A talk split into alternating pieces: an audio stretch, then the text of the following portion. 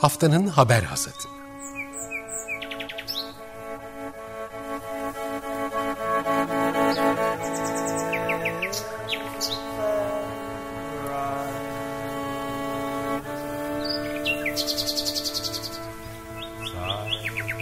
Haftanın öne çıkan iklim haberleri ve araştırmalarından okumalar ve yorumlar.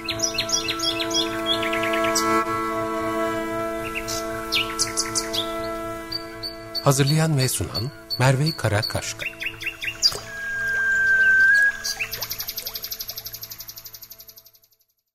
Merhaba, haftanın haber satına hoş geldiniz. Geçtiğimiz haftanın iklim haber ve araştırmalarından özel bir derleme sunan programımızda bu haftaki manşetimizde daha sessiz bir bahar var. Sessiz Bahar, e, deniz bilimci ve yazar Rachel Carson'ın 1962 tarihli kitabının başlığı. O dönem Amerika'da bir kasabada o güne kadar görülmemiş büyüklükte gerçekleşen bir ekolojik yıkımı anlatıyor ve bunun sebeplendirilmesine ilişkin e, çığır açan bir çıkarımlarda bulunuyor. Öncelikle Carson DDT gibi tarım zehirlerinin böceklerden kuşlara ve diğer tüm canlılara olan etkilerini açıkça dile getiriyor. Bu bir ilk kitabında. Aynı zamanda insan faaliyetlerinin doğadaki etkisini bu yolla ilk kez belgelemiş oluyor. Ee, bu yönüyle tarihin seyrini değiştirdiği söyleniyor bu eserin. Zira ardından Greenpeace'ten Friends of Earth'a kadar modern çevre hareketleri başlıyor ee, ve e, yüzyıla damgasını vuruyor bu hareketlerle birlikte. Eser çevrenin ve insanın bedeninin ekolojilerini birlikte ele almasıyla da batıda özellikle bir ilk.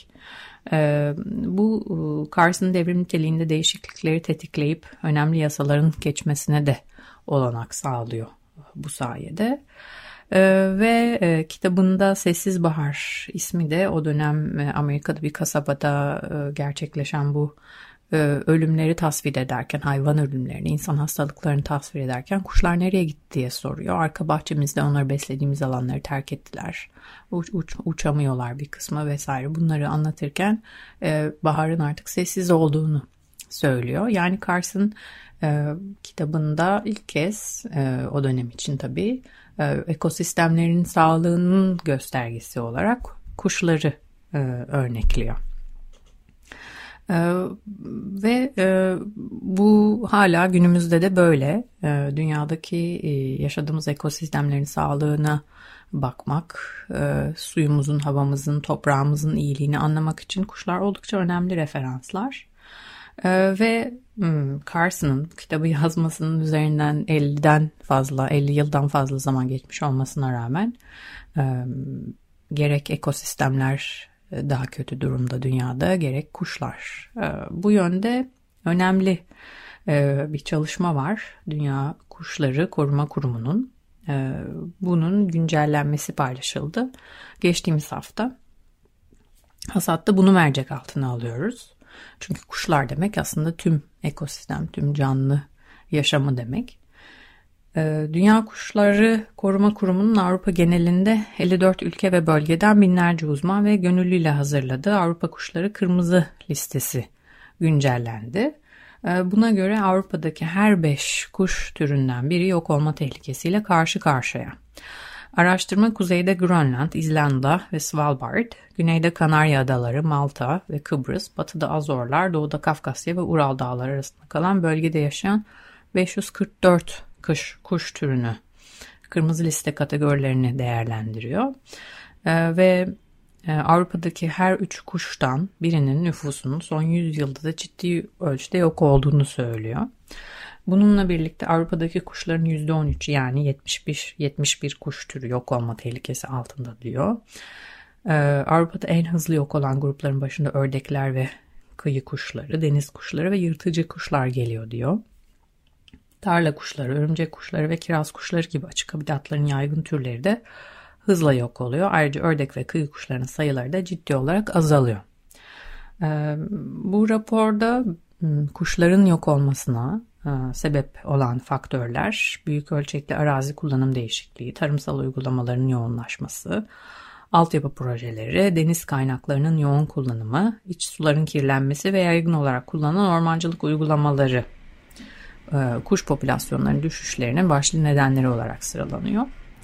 Şimdi araştırmanın Türkiye ayağını Doğa Derneği'nin katılımıyla yürütüldü ve e, bu sonuçlardan e, biliyorsunuz Türkiye bu 544 e, kuş türünün 500'den fazlasına ev sahipliği yapan belki dünyanın en zengin e, kuş biyoçeşitliliğine sahip ülkelerden biri. Bu yüzden Türkiye sonuçları da ayırmak istedik. E, bu sonuçları masaya yatırıyoruz. Doğa Derneği Biyoçeşitlilik Araştırmaları Koordinatörü Şafak Arslan'la birlikte.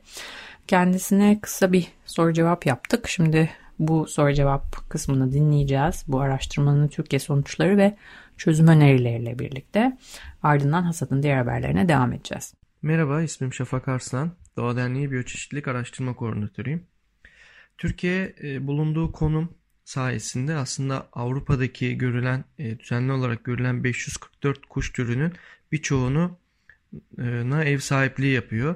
E, Türkiye'de biz yaklaşık 500 kuş türünün varlığından bahsediyoruz şimdiye kadar tespit edilen ve bu sayı e, aslında Avrupa'nın çoğu ülkesinden ve e, neredeyse toplam sayısına yakın bir e, durumda ve bu da Türkiye'nin konumunun ne kadar özel ve önemli olduğunu bir kez daha gösteriyor. Çünkü, çünkü kuş, kuşlar e, bize bölgedeki e, ekosistem açısından veya bölgedeki çeşitlilik açısından bir gösterge.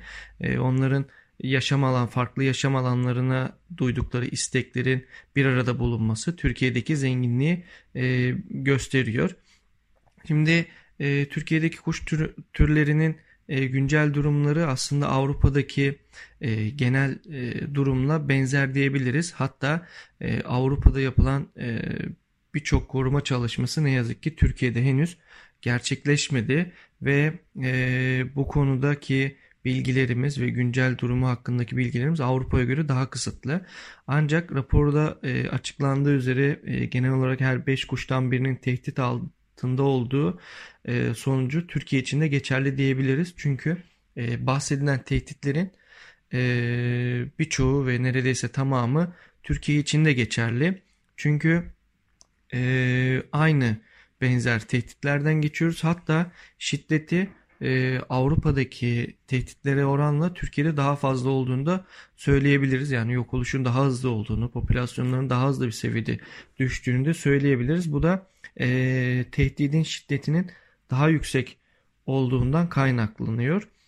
E, Tabi burada Türkiye'deki mevcut kuş türlerinin gruplarına baktığımızda e, yırtıcıların veya işte ötücü kuşların yanı sıra deniz kuşları hakkındaki bilgilerimiz oldukça sınırlı. Ve bu da bizi e, deniz kuşları hakkındaki yorumlarımızı kısıtlı e, kılıyor ve e, deniz kuşlarından bahsettiğimiz türler e, kısaca yani bu gruplar bu gruptaki kuşlar daha çok yaşamlarını deniz üzerinde gerçekleştiriyor ve e, kıyılara geliyor veya adalarda yaşıyor, denizden besleniyor, deniz üzerinde yaşıyor, e, o bölgelerde ürüyor ve hayatlarını orada sürdürüyor. Yani denize bağımlılar ve biz e, karadaki türleri yönelik koruma çalışmalarımızı veya araştırmalarımızı tam anlamıyla tamamlayamamışken deniz üzerinde oldukça sınırlı bilgiye sahibiz. E, bu türlerden işte tepeli karabatak, boz yelkovan, yelkovan ve fırtına kırlangıcı gibi türler hakkında bilgilerimiz kısıtlı. Nispeten tepeli karabatak daha fazla insana e, bulunduğu alanlarda e, görülebildiği için onunla ilgili bilgilerimiz birazcık daha olsa da diğer üç tür hakkındaki bilgilerimiz e, ne yazık ki yeterli değil. Yani bu kuşların nerede ürediği, hangi adalarda veya kıyılarda ürediği, nerede beslendiği konusundaki bilgilerimiz kısıtlı. Bu da bizim e, türle ilgili veya grupla ilgili bilgimiz sınırlı olmasından dolayı koruma çalışmalarında e, biraz daha yavaşlatıyor. Çünkü her geçen gün bir yok olan bir kıyı veya e, insanın daha fazla ulaştığı, insan baskısının daha fazla olduğu adalar oluyor. Yani e, tamamen uzakta, bakir bir şekilde kalan adada bile bir insan faaliyeti görebiliyorsunuz ne yazık ki. Bu da e, bu tarz insandan uzak ve e, rahatsızlık duyan türler için e, oldukça sıkıntılı bir duruma dönüşüyor.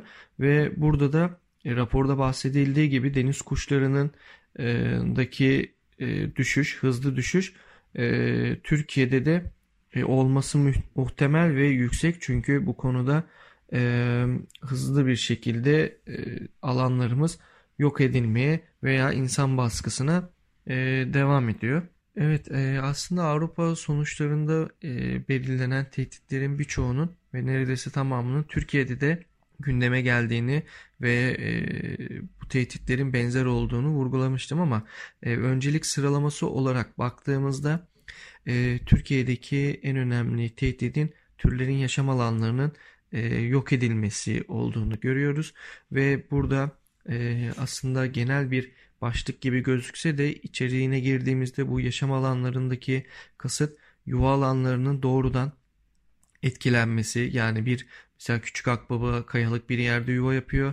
Bu kayalık yerdeki yuvaların olduğu alanda veya yakınında bir maden faaliyetinin yapılması veya işte tünel açımının yapılması, tırmanış yapılması, insanın e, rahatsız etmesi veya bir toy kuşunun yaşam alanı olan bozkır habitatındaki e, tarım deseninin tamamen değişmesi, sulu tarım faaliyetleri yapılması veya işte mera alanlarının bırakılmaması, e, alanların nadasa bırakılmaması, yakılması gibi böyle e, başlıkları çoğaltabiliriz. E, bunlar genel olarak e, yuva alanlarının veya yaşam alanlarının yok edilmesi olarak e, sıralanabilir.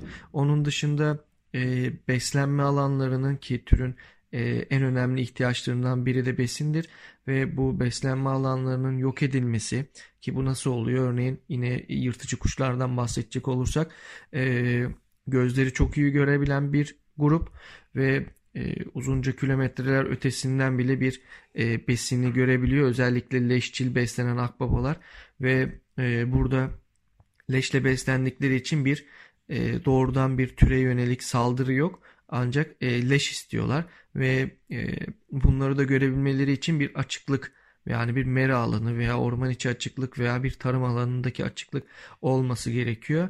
E, bu tarz e, alanların olmayışı, açıklıkların bulunmayışı veya işte bir şekilde kapatılması e, tehdit ediyor. Onun yanı sıra e, leşle beslendikleri için de mesela e, geleneksel mera hayvancılığının yerini işte besi çiftliklerinin alması e, ve dolayısıyla da ölen hayvanların e, kuyular kazılarak atılması veya ölen hayvanlarda aşırı bir zehir birikiminin ilaçlar nedeniyle kullanılan ilaçlar nedeniyle zehir birikiminin olması türe hem besin bulması açısından zorlaştırıyor hem de o besinle beslendiğinde bir böbrek yetmezsizliğine veya doğrudan ölüme neden oluyor. Ee, böyle besin alanlarının yok edilmesi veya beslenme e, alanlarının yok edilmesi de e, başlıca tehditler arasında veya diğer bir e, sıralayabileceğimiz tehditlerden birisi tabii ki yine zehirlenme ve e, tarım alanlarında değişen tarım modellerinde veya ürünlerinde hı hı. E, yoğun bir şekilde e, ne yazık ki pestisit veya herbisit yani e, hem ot zehri hem e, böcek zehri kullanılıyor ve buradan e, dolaylı olarak e, yırtıcı kuşlar da veya yırtıcı memeliler de e, veya otçul memeliler de otla beslenirse otçul memeliler de e, buradan ne yazık ki e, olumsuz etkileniyor. Tabi e, burada beslenen e, bir e, ot e, şeyle tohumla beslenen bir kuş da kuş grubu da direkt e, olumsuz etkilenip hayatını kaybedebiliyor.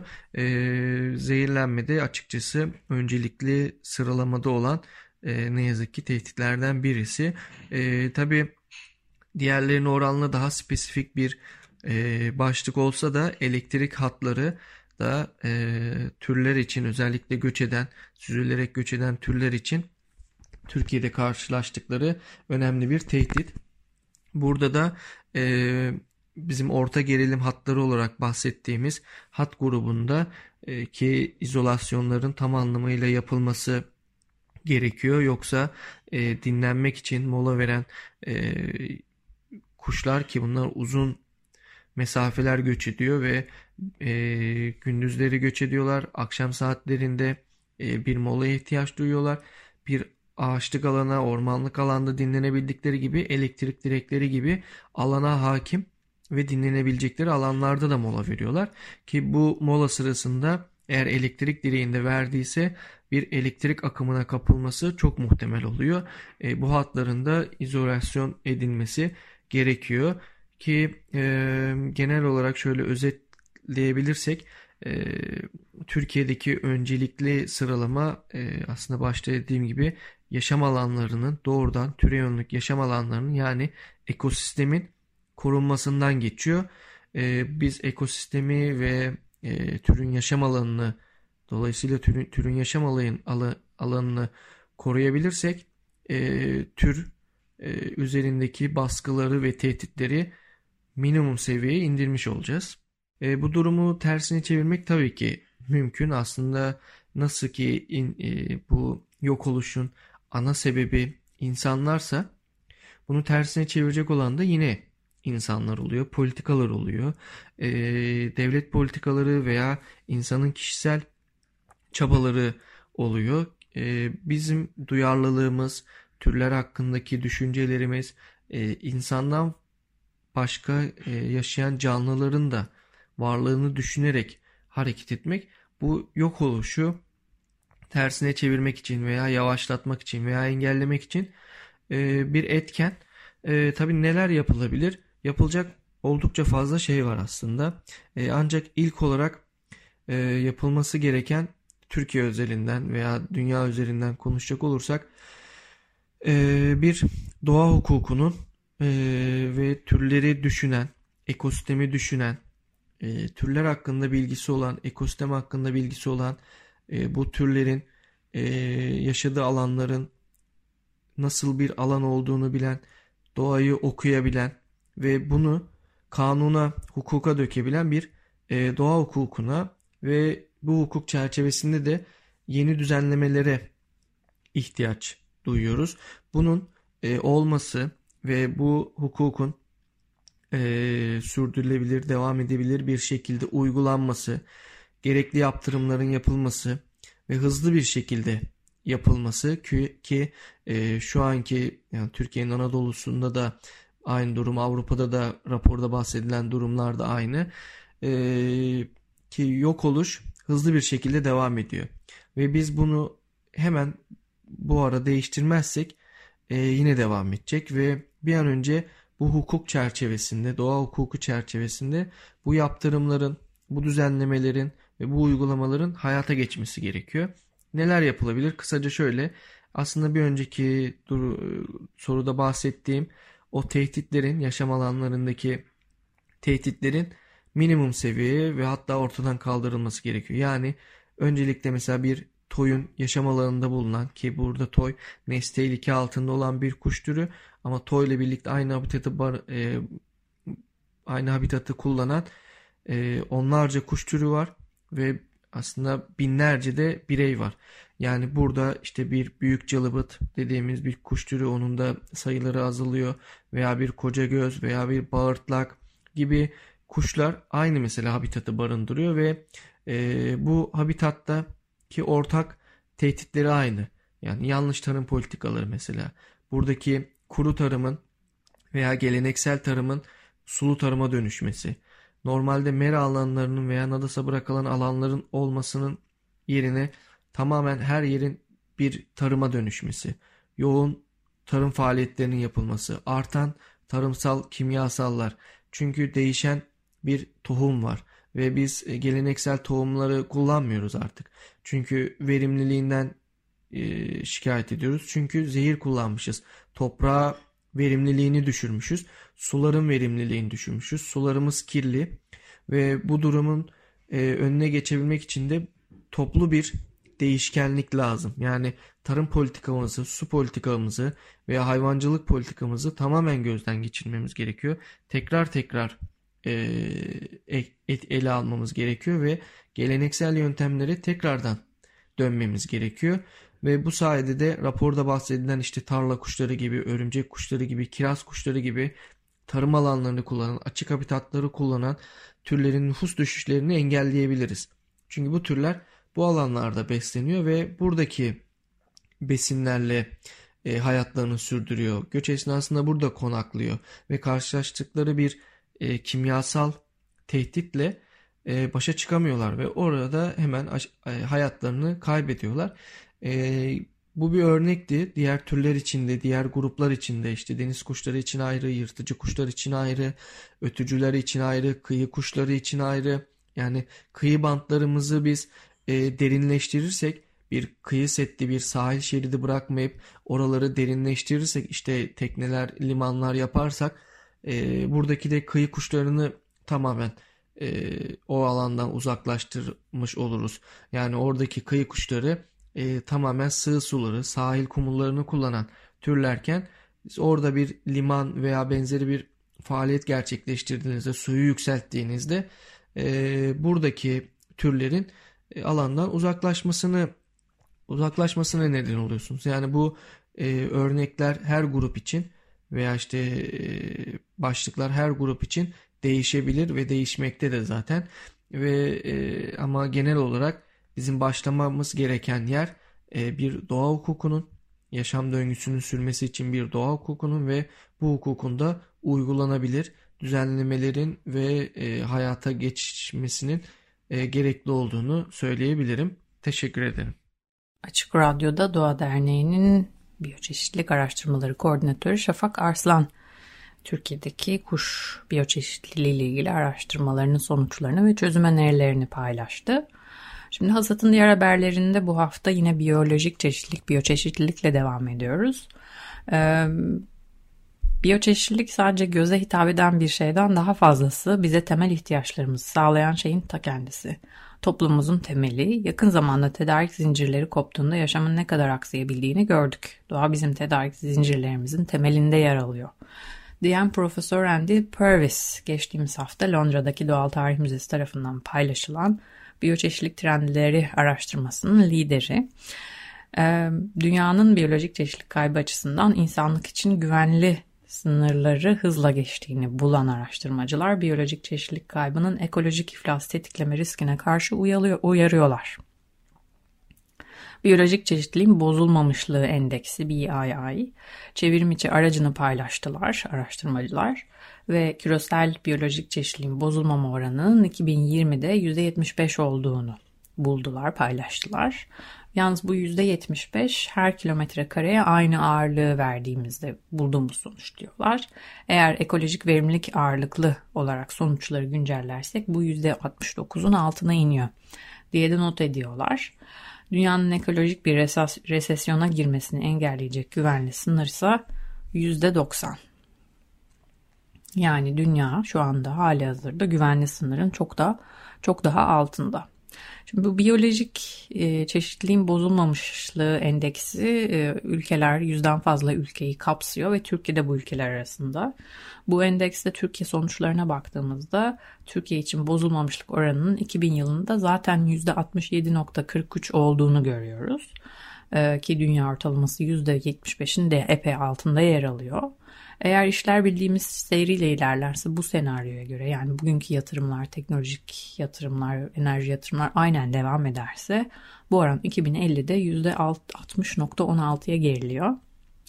Ve bu çok ciddi bir gerileme. Zira e, %90'ın altına inmesi durumunda dokunulmazlığın ekosistemlerin dayanıklılığını kaybetmesi ve geniş çaplı mahrumiyetlerle karşılaşmadan ihtiyaçlarımızı karşılayabilmesi için artık ekosistemleri güvenemeyeceğimiz bir gelecek anlamına geliyor. Yani burada şöyle bir aslında belki açıklama yapmak gerekiyor. Örneğin yakın zamanda farklı bir araştırma dünyada tarımın ortaya çıkabilmesinin ekonomi iklimin stabil hale gelmesine borçlu olduğunu söylemişti. Yani biz aslında bütün yaşamımız iklimin stabil olduğu varsayımı üzerine kurulu beslenmeden, ulaşımdan, seyahatten ve her yaptığımız belki soluduğumuz havaya kadar her şey iklimin stabil olmasına bağlı. E, haliyle dokunulmazlık bozulduğu zaman bütün bu zincirleme etkiyle birlikte e, geniş çaplı mahrumiyetlerin ki bugün gördüğümüz gibi yaşanma sıklığı artıyor ve artmaya devam edecek diyor bu araştırma. Türkiye için de e, kırmızı alarm artık e, gittikçe daha da duyulur hale geliyor.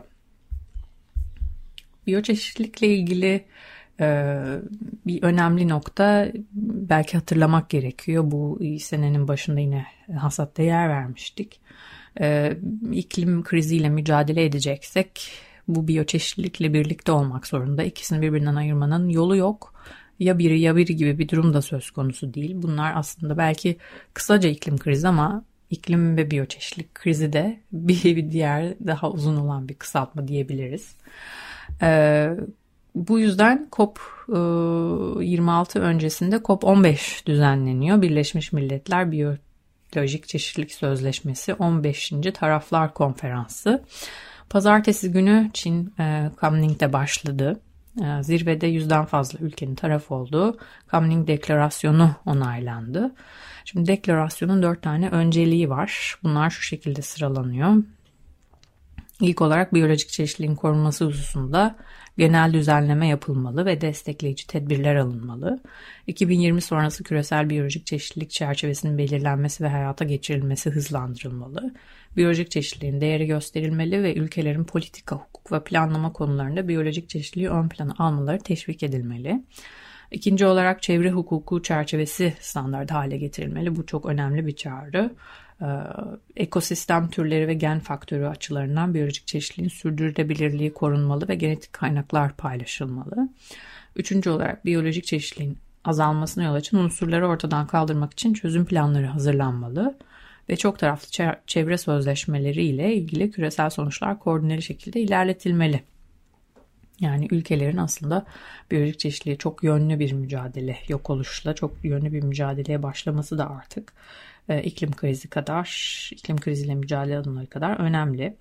Çin gelişmekte olan ülkelerde biyolojik çeşitliliği koruma yönelik projeler e, için Kamling fonu oluşturulmasına yönelik 230 milyon dolar da taahhüt ettiğini duyurdu. Yani artık biyolojik çeşitliliğin de bir e, yaşadığımız sistem içinde finansal değer olarak tanındığını biliyoruz. Son yıllarda bu yönde çok daha e, ciddi dişe değer araştırmalar yapılıyor. E, bunun böyle olup olmaması tabii tartışmalı. Yani doğru bulup bulmamak tartışmalı. Ee, ve e, fakat bu biyolojik çeşitliliğin korunmasına yönelik yaptırımların artık doğrudan somut bir şekilde e, korunması anlamına geliyor. Çünkü bugüne kadar haliyle kalkınma karşısında bir bedel biçilmediğinden dolayı bedava varsayımıyla hareket edildiği için yıkım meşruydu. Fakat bugün bu yıkım karşısında bir bedel olarak da artık ele alınıyor. Bundan daha da önemlisi bir değer olarak e, karşımıza çıkıyor biyolojik çeşitlilik. Şimdi bu konuda yine haberlerle ileri e, e, derinleşmeye devam edeceğiz biyolojik çeşitlilik konusunda ama bir müzik molası verelim önce. Biraz e, soluk alalım. Çok hızlı başladık bu hafta hasada. Hazır kuşlardan da söz etmişken böyle bir açılış yapmışken e, Last Winter Sparrow isimli parçasıyla The Venus Bushfires bizimle birlikte olacak. Ardından hasata kaldığımız yerden devam edeceğiz. Açık Radyo'da The Venus Bushfires Last Winter Sparrow isimli şarkısıyla bizimle birlikteydi. Haftanın haber hasatında hasatın diğer haberlerinde e, şimdi Türkiye'de e, Çin'deki COP15'e hitaben gelen bir e, davet var, bir çağrı var. Yerel ve ulusal 20'den fazla sivil toplum kuruluşu COP15'te bir araya gelen liderlerden Çin'in de taraf olduğu Birleşmiş Milletler Biyolojik Çeşitlilik Sözleşmesi'nin 8D, 8K, 14C maddeleri ile Bern Sözleşmesi'nin 6 ve 8. maddelerine aykırı olan Hunutlu, İthal kömürlü termik santralin durdurulmasını ve dünyayı Doğayı Koruma Birliği'nin kırmızı listede tehlike altında olan Yeşil Deniz Kaplumbağası'nın uluslararası sözleşmeler çerçevesinde korunması için harekete geçmelerini talep ettiler. Ee, bu uzunca bir süredir devam eden kaplumbağa kömür sevmez. Unutlu'daki termik santrali durdurma e, kampanyasının e, yeniden gündeme gelmesi, e, Çin'in buradaki fonlamayı durdurması oldukça önemli. İklim e, taahhütleriyle zaten uyuşmayan da bir, e, çünkü zaten kömürden çıkışı da haber vermişti Çin. E, bu yönde de bu talep oldukça önemli. Yine e, biyolojik çeşitlilik konferansı ile ilgili bir başka e, çağrı bu kez e, doğa için işletmeler adı verilen bir koalisyondan geldi. Bu koalisyonda E, toplam gelirleri 4.7 trilyon doları geçen binden fazla şirket e, var. Bu şirketler arasında e, aslında doğal ayak izleri konusunda çok tepki alan Unilever, Pepsi, Inditex, işte yani Zara gibi büyük e, hızlı moda markalarının e, çatı şirketi biliyorsunuz ve H&M gibi imzacılar var ve imzacılar gelecek yıl müzakere edilecek olan küresel biyolojik çeşitlilik çerçevesinin e, sorunların aciliyetini yeterince iyi adreslemediğini söylüyorlar ve bunun daha iyi yansıtılması gerektiğine vurgu yapıyorlar. E, hükümetlerin biyolojik çeşitlilik kaybının acilen ters çevrilmesi için harekete geçmesini söylüyorlar. Mesela diyorlar ki hükümetler doğaya zararlı sübvansiyonları kesmeli ve bunları yeniden yapılandırmalı. Bu yönde çağrı önemli e, ve e, biyolojik çeşitlilik kaybıyla mücadelenin işletmeler tarafından hükümetlere bir çağrı olarak gelmesi de önemli. E, ancak burada e, markaların bu oluşumlarda yer almasının e, bir taraftan da tabii ki bu faaliyetlerine devam ederken, doğayı kirletici faaliyetlerine devam ederken bu oluşumlarda yer alması elbette tartışmalı konular. Bunu da söylemeden geçmeyelim.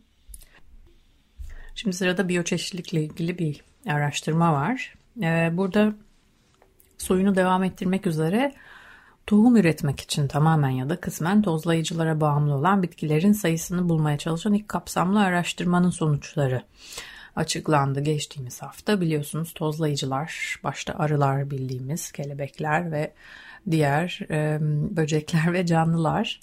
E, onların sayıları da çok ciddi ölçüde azalıyor. Büyük ölçüde tarım ilaçlarına, pestisitlere bağlı olarak kullanılan pestisit karışımlarının da etkileriyle ilgili yine hasatta bahsetmiştik daha önce. Yine bu yeni araştırmanın sonuçlarına göre dünya çapında 175 bin bitki türü tozlayıcılar olmadan tohum üretemiyor. Bunun anlamında çoğalamıyorlar. Bu bütün çiçekli bitkilerin yaklaşık yarısını oluşturuyor. Yani bugüne kadar araştırmalar e, diyordu ki e, evet e, tozlayıcılar yok oluyor ama bitkiler tohumları olduğu için çoğalabilmeye devam etmeleri gerekiyor deniyordu. Fakat araştırma diyor ki böyle bir şey mümkün değil. Tozlayıcıların tohum üretmede de kilit bir rolü var. Ee, ve hmm, özellikle tozlayıcılar azaldığı zaman biyolojik çeşitlilik de e, doğal ekosistemlerde büyük bir tahribat yaratacak biyolojik çeşitliliğin azalması. Araştırmaya göre pestisit kullanımını durdurmak ve doğal habitatları onarmaya başlamak bu e, çöküşü durdurabilir. Ee, şimdi e, bu önemli bir biyoçeşitliliğin yine önemli bir ölçüsü. Peki ekosistemlerin onarılması konusunda ve aynı zamanda su altı ile ilgili de yeni bir araştırma var. Onu da e, hasatta yer verdik. O da mercan resiflerine bakıyor. Biliyorsunuz dünya çapında özellikle büyük mercan resifinin ağarması ve Oradaki biyoçeşitliliğin kaybolması çok önemli bir sorun. E, su altındaki ekosistemler plastikten boğuluyorlar. E, Marmara'da gördüğümüz üzere alg patlamalarından ve yoğun fosfat akışından dünyadaki su kaynakları e, ciddi ciddi bir yok oluşla yüzleşiyor.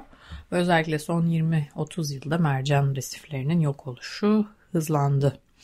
Bu gerçekten yola çıkan yeni bir araştırma biyolojik çeşitliliği tahrip olan resiflerin insan müdahalesiyle iyileştirilmesi durumunda nasıl tepki verdiğine bakıyor. Bunun için Fransa'da e, araştırmacılar e, mercan türlerinin çeşitliliğini artırmak için yeni türleri bir tür su altı bahçesiyle tanıtıyorlar bölgede e, ve eklenen türlerin öncelikle biyolojik çeşitliliğin artmasına katkıda bulunduğu gözleniyor. Yani sayı minimumdayken biyolojik çeşitlilik minimumda. Sonra sayı biraz artırıldığında biyolojik çeşitlilik maksimize oluyor. Yani doygunluğa ulaşıyor. Ardından e, sayı artması biyolojik çeşitliliğin artmasını sağlamıyor diyorlar. Yani orta düzeyde aslında e, katkıda bulunuyor ama e, belirli bir yere kadar bu at, e, etki sağlanabiliyor. Aslında şöyle bir sonuç var. Sualtı bahçeleri evet e, mercan resiflerinin onarılmasına kaybolan biyoçeşitliliğin geri gelmesine kısmen yardımcı olabilir ama e, tamamen kaybettiğimiz bu ekosistemleri yeniden onarmamız en azından bu teknikle mümkün değil ve ortada biyoçeşitliliği geri getiremediğimiz gibi bir gerçek de var. Yani burada da şunu yine tekrar tekrar altını çizmek gerekiyor belki. Ee, e, var olanı korumak her zaman daha kıymetli. Şimdi e, burada bir hasata mola vereceğiz. Yeni bir şarkı dinleyeceğiz. Hasatın açılışında e, benim çok sevdiğim bir şarkı e, Sam Lee'nin Singing with Nightingales'ını dinliyoruz her e, programda. E, şimdi bu Singing with Nightingales aslında bir e, seri, bir e, konserler serisi.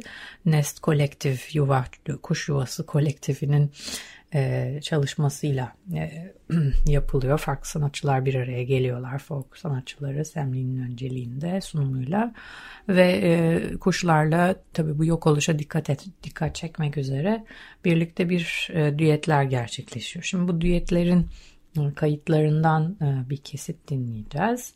E, ünlü bir folk şarkıcısı Liza Knapp bizimle birlikte olacak. Singing Nightingales 2020 serisinden.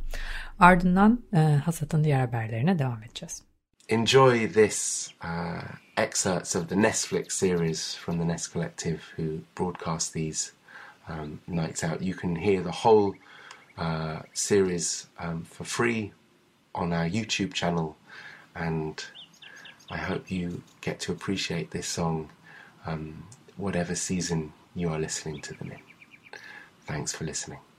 Açık Radyo'da Lizana bizimle birlikteydi. Singing Nightingales 2020'nin bir konu olarak e, düetini dinledik kuşlarla. E, şimdi Türkiye'den bir haber var. Türkiye'nin yine e, su altında e, ilk ve tek su altı parkının bulunduğu Gökçeada Yıldız Koyun imara açılması söz konusu. Bu haberler basında yer aldı. E, ve e, bu parkın kurulması için aslında 1997'de çalışmalara başlamıştı. Türk Deniz Araştırmaları Vakfı ve e, yoğun çabalarıyla kurulmuştu bu park ve haliyle bu parkın e, imara açılması bulunduğu bölgenin imara açılması haberleri üzerine e, hemen bir açıklama geldi TÜDAV'dan. E, kararın kabul edilemez olduğunu duyurdular ve şöyle diyorlar belki bunu hatırlamak önemli. Gökçeada kıyıları biyoçeşitlik açısından çok zengin. Akdeniz'e endemik bir deniz çayırı türü olan e, Posidonia um, ocean, oceanica, 34 tür sünger, 17 tür kafadan bacaklı, 144 tür balık, 8 tür yunus ve balina, iri baş deniz kaplumbağası ve nesli tehlike altında olan Akdeniz foku Gökçeada'da ve çevresinde yaşamaktadır. Bu bölge besin zincirinin alt basamaklarından üst basamaklarına kadar özel ve nadir görülen birçok türün bulunduğu bir bölgedir. Türk Deniz Araştırmaları Vakfı olarak konunun her zaman takipçisi olacağımızı kamuoyuna duyururuz diyorlar. Ee, son olarak hasatın son haberi bu kez Fransa'dan e, okyanuslardaki e, ve okyanustaki hayatı en çok tehdit eden insan aktivitelerinden biri olan tek kullanımlık plastiklerle ilgili.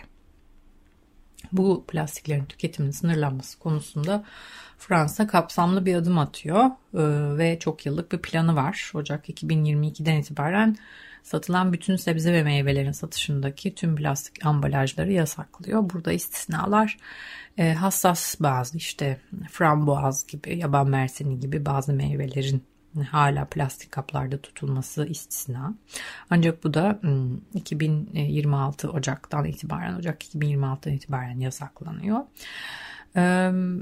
Fransa 2021'de plastik pipet, çatal bıçak ve strafordan yapılmış yemek sipariş ambalajlarını yasaklamıştı. 2022'de devamı geliyor. İşte kamusal alanlarda içme suyunun sağlanması zorunlu hale geliyor. İnsanların artık plastik şişe taşıma zorunluluğunu ortadan kaldırmak için. Bununla birlikte e, dergi ve gazeteler e, kamuya ait veya özel e, şirketler tarafından basılan dergi, gazete gibi yayınların plastik ambalajları e, ortadan kaldırılıyor. Fast food gıda zincirlerinde oyuncaklar, e, plastik oyuncak verilmesi yasaklanıyor. E, ve bahsettiğim gibi Ocak 2026'dan itibaren de hassas meyveler, e, tüm meyve sebzeler artık plastiksiz hale geliyor. İnsanlar e, şu argümanı çok kullanıyorlar. İşte başkalarının dokunduğu meyve sebzeyi yemek ne kadar hijyenik gibi ama hmm, tek kullanımlık plastik kadar asla hayatı tehdit etmediğini biliyoruz. E, bunun yerinde ancak geç kalmış bir karar olduğunu söylemek gerekiyor. Zira Akdeniz biliyorsunuz o plastiğe boğulmuş durumda. Ee, bu bizim son haberimiz. Umuyoruz darısı yine de Türkiye'nin başına böyle kararlar e, dünyanın her yerinde verilir ve e, Türkiye'de payını alır. Ee, bu hafta hasetimizi böyle bitiriyoruz e, ve Anadolu'nun ses arşivi yerine bu hafta farklı bir hareketten kayıtla söz bitmeden bölümümüzü yapıyoruz.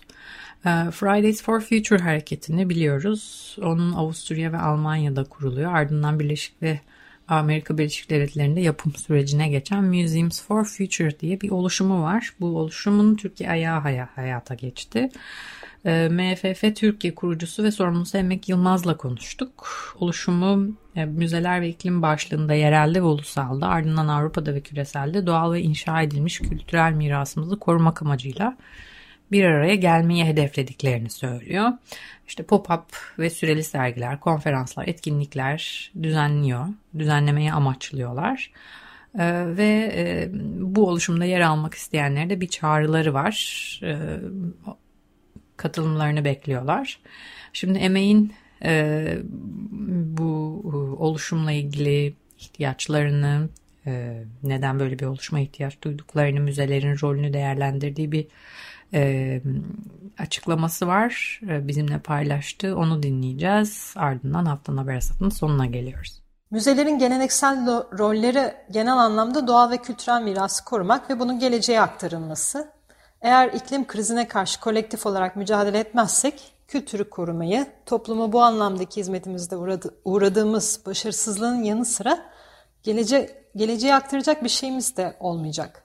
Dolayısıyla görevimizi yerine getirmeliyiz. Gezegeni, toplumu, doğa ve kültürel mirası koruyalım amacıyla yola çıkıyoruz. Ve bu amaca ulaşmak için birkaç ayağımız var. Bunlardan bir tanesi iklim eylemcilerini desteklemek. İklim eylemi günlerinde eylemcileri müzelere davet ederek onları ziyaretçilerle, müze kullanıcılarıyla bir araya getirmek ve farkındalık yaratmak. İkincisi halkın bu amacın doğru halkla bu amacın doğru iletişimini yapmak. Müzeler kültür, sanat, bilim ve teknolojinin güvenilir aracıları, mekanları. Dünyada tüm müzeler bir günde yüz milyonlarca farklı demografik özelliklere sahip insanla bir araya geliyor. Anlatımlarına güvenilen ve özellikle de okul dışı öğrenme ortamı olarak görülen yerler müzeler. Dolayısıyla bu iletişimi sağlamakta da sorumlu olduklarını düşünüyoruz. Üçüncüsü kurumların dönüşümü önemli. E, müzeler yaptığımız aktivitelerle ve binalarla iklim krizine katkı koyduğumuzu biliyoruz. Bunun farkındayız. MFF üyesi müzeler ve kurumlar 2040 yılına kadar karbon emisyonunda nötr olmayı hedefliyor ve önemli adımlar atmak, uygulamaya geçmek için de planlar yapıyor. Bu konuda bizimle iletişime geçerek diğer kurumlar neler yapıyor diye bilgi edinebilir ya da varsa sizin deneyimlerinizi bizimle paylaşabilirsiniz. E, dördüncü adımda e, sosyal ağlarda farkındalık yaratmak. Dünya çapında binlerce müze olarak sadece ziyaretçilerimiz üzerinde değil, önemli paydaşlarımız üzerinde de dikkate değer potansiyel etkimizi farkındayız. Sesimizi ilişkili ve ilgili tüm mecralarda karar verici mekanizmalar arasında da yükseltiyoruz. Bizimle deneyimlerinizi, sorularınızı ve başarılarınızı paylaşırsanız e, bunları blog, makale, çevrim içi buluşmalar veya sosyal medya üzerinden de yapabilirsiniz. Çok memnun oluruz. Eğer bu alanda çalışıyor ve ilginiz varsa MFF Türkiye'ye katılmak isterseniz turkey at museumsforfuture.org üzerinden iletişime geçiniz lütfen. Ee, birlikte büyüdükçe yeni neler yapabiliriz bunu da birlikte keşfedelim istiyoruz aslında. Şimdilik sosyal medya hesaplarımızla aktifiz. Bunlar da Facebook, Instagram, Instagram ve Twitter. Ee, her çarşamba da Türkçe paylaşımlar yapacağız. Çarşamba dolayısıyla Türkiye'nin günü. Yenilenmiş web sitemiz üzerinden haber bültenimize üye olabilirsiniz. Web sitemizi inceleyebilirsiniz. E, adresimiz de museumsforfuture.org. Bir sonraki iklim eylemine katılabilirsiniz. Bu anlamda sosyal medya hesaplarımızı takipte olmanız önemli. Ee, son olarak da MFF Türkiye için şimdilik sosyal medya gönüllülerine ihtiyacımız var. Ee, bu anlamda ilgilenenler lütfen bizimle turkey.museumsforfuture.org adresinden iletişime geçsin. Ama ilerleyen zamanlarda da iklim aktivisti gruplarla müzeler bir araya gelip neler yapabiliriz bir eylem planı oluşturacağız. MFF International bu yolculukta bizleri hep destekliyor olacak ve çalışmalarımızı dünyaya duyuracak. Açık Radyo'da haftanın haber hasatının son bölümünde Fridays for Future hareketinden doğan Museums for Future'ın Türkiye kurucu ve sorumlusu Emek Yılmaz'ı dinledik. Şimdi e, hasatın sonuna geldik. Bu hafta bizimle birlikte olduğunuz teşekkürler. Biyoçeşitlik ve kuşlarla e, ağırlıklı bir hasattı bu bugünkü e, programımız. Hasata veda ediyoruz. Önümüzdeki hafta görüşmek üzere. Hoşçakalın.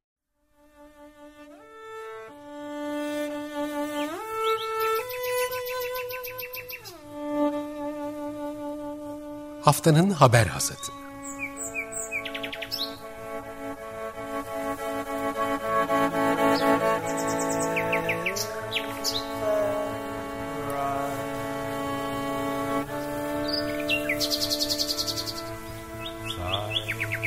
Haftanın öne çıkan iklim haberleri ve araştırmalarından okumalar ve yorumlar.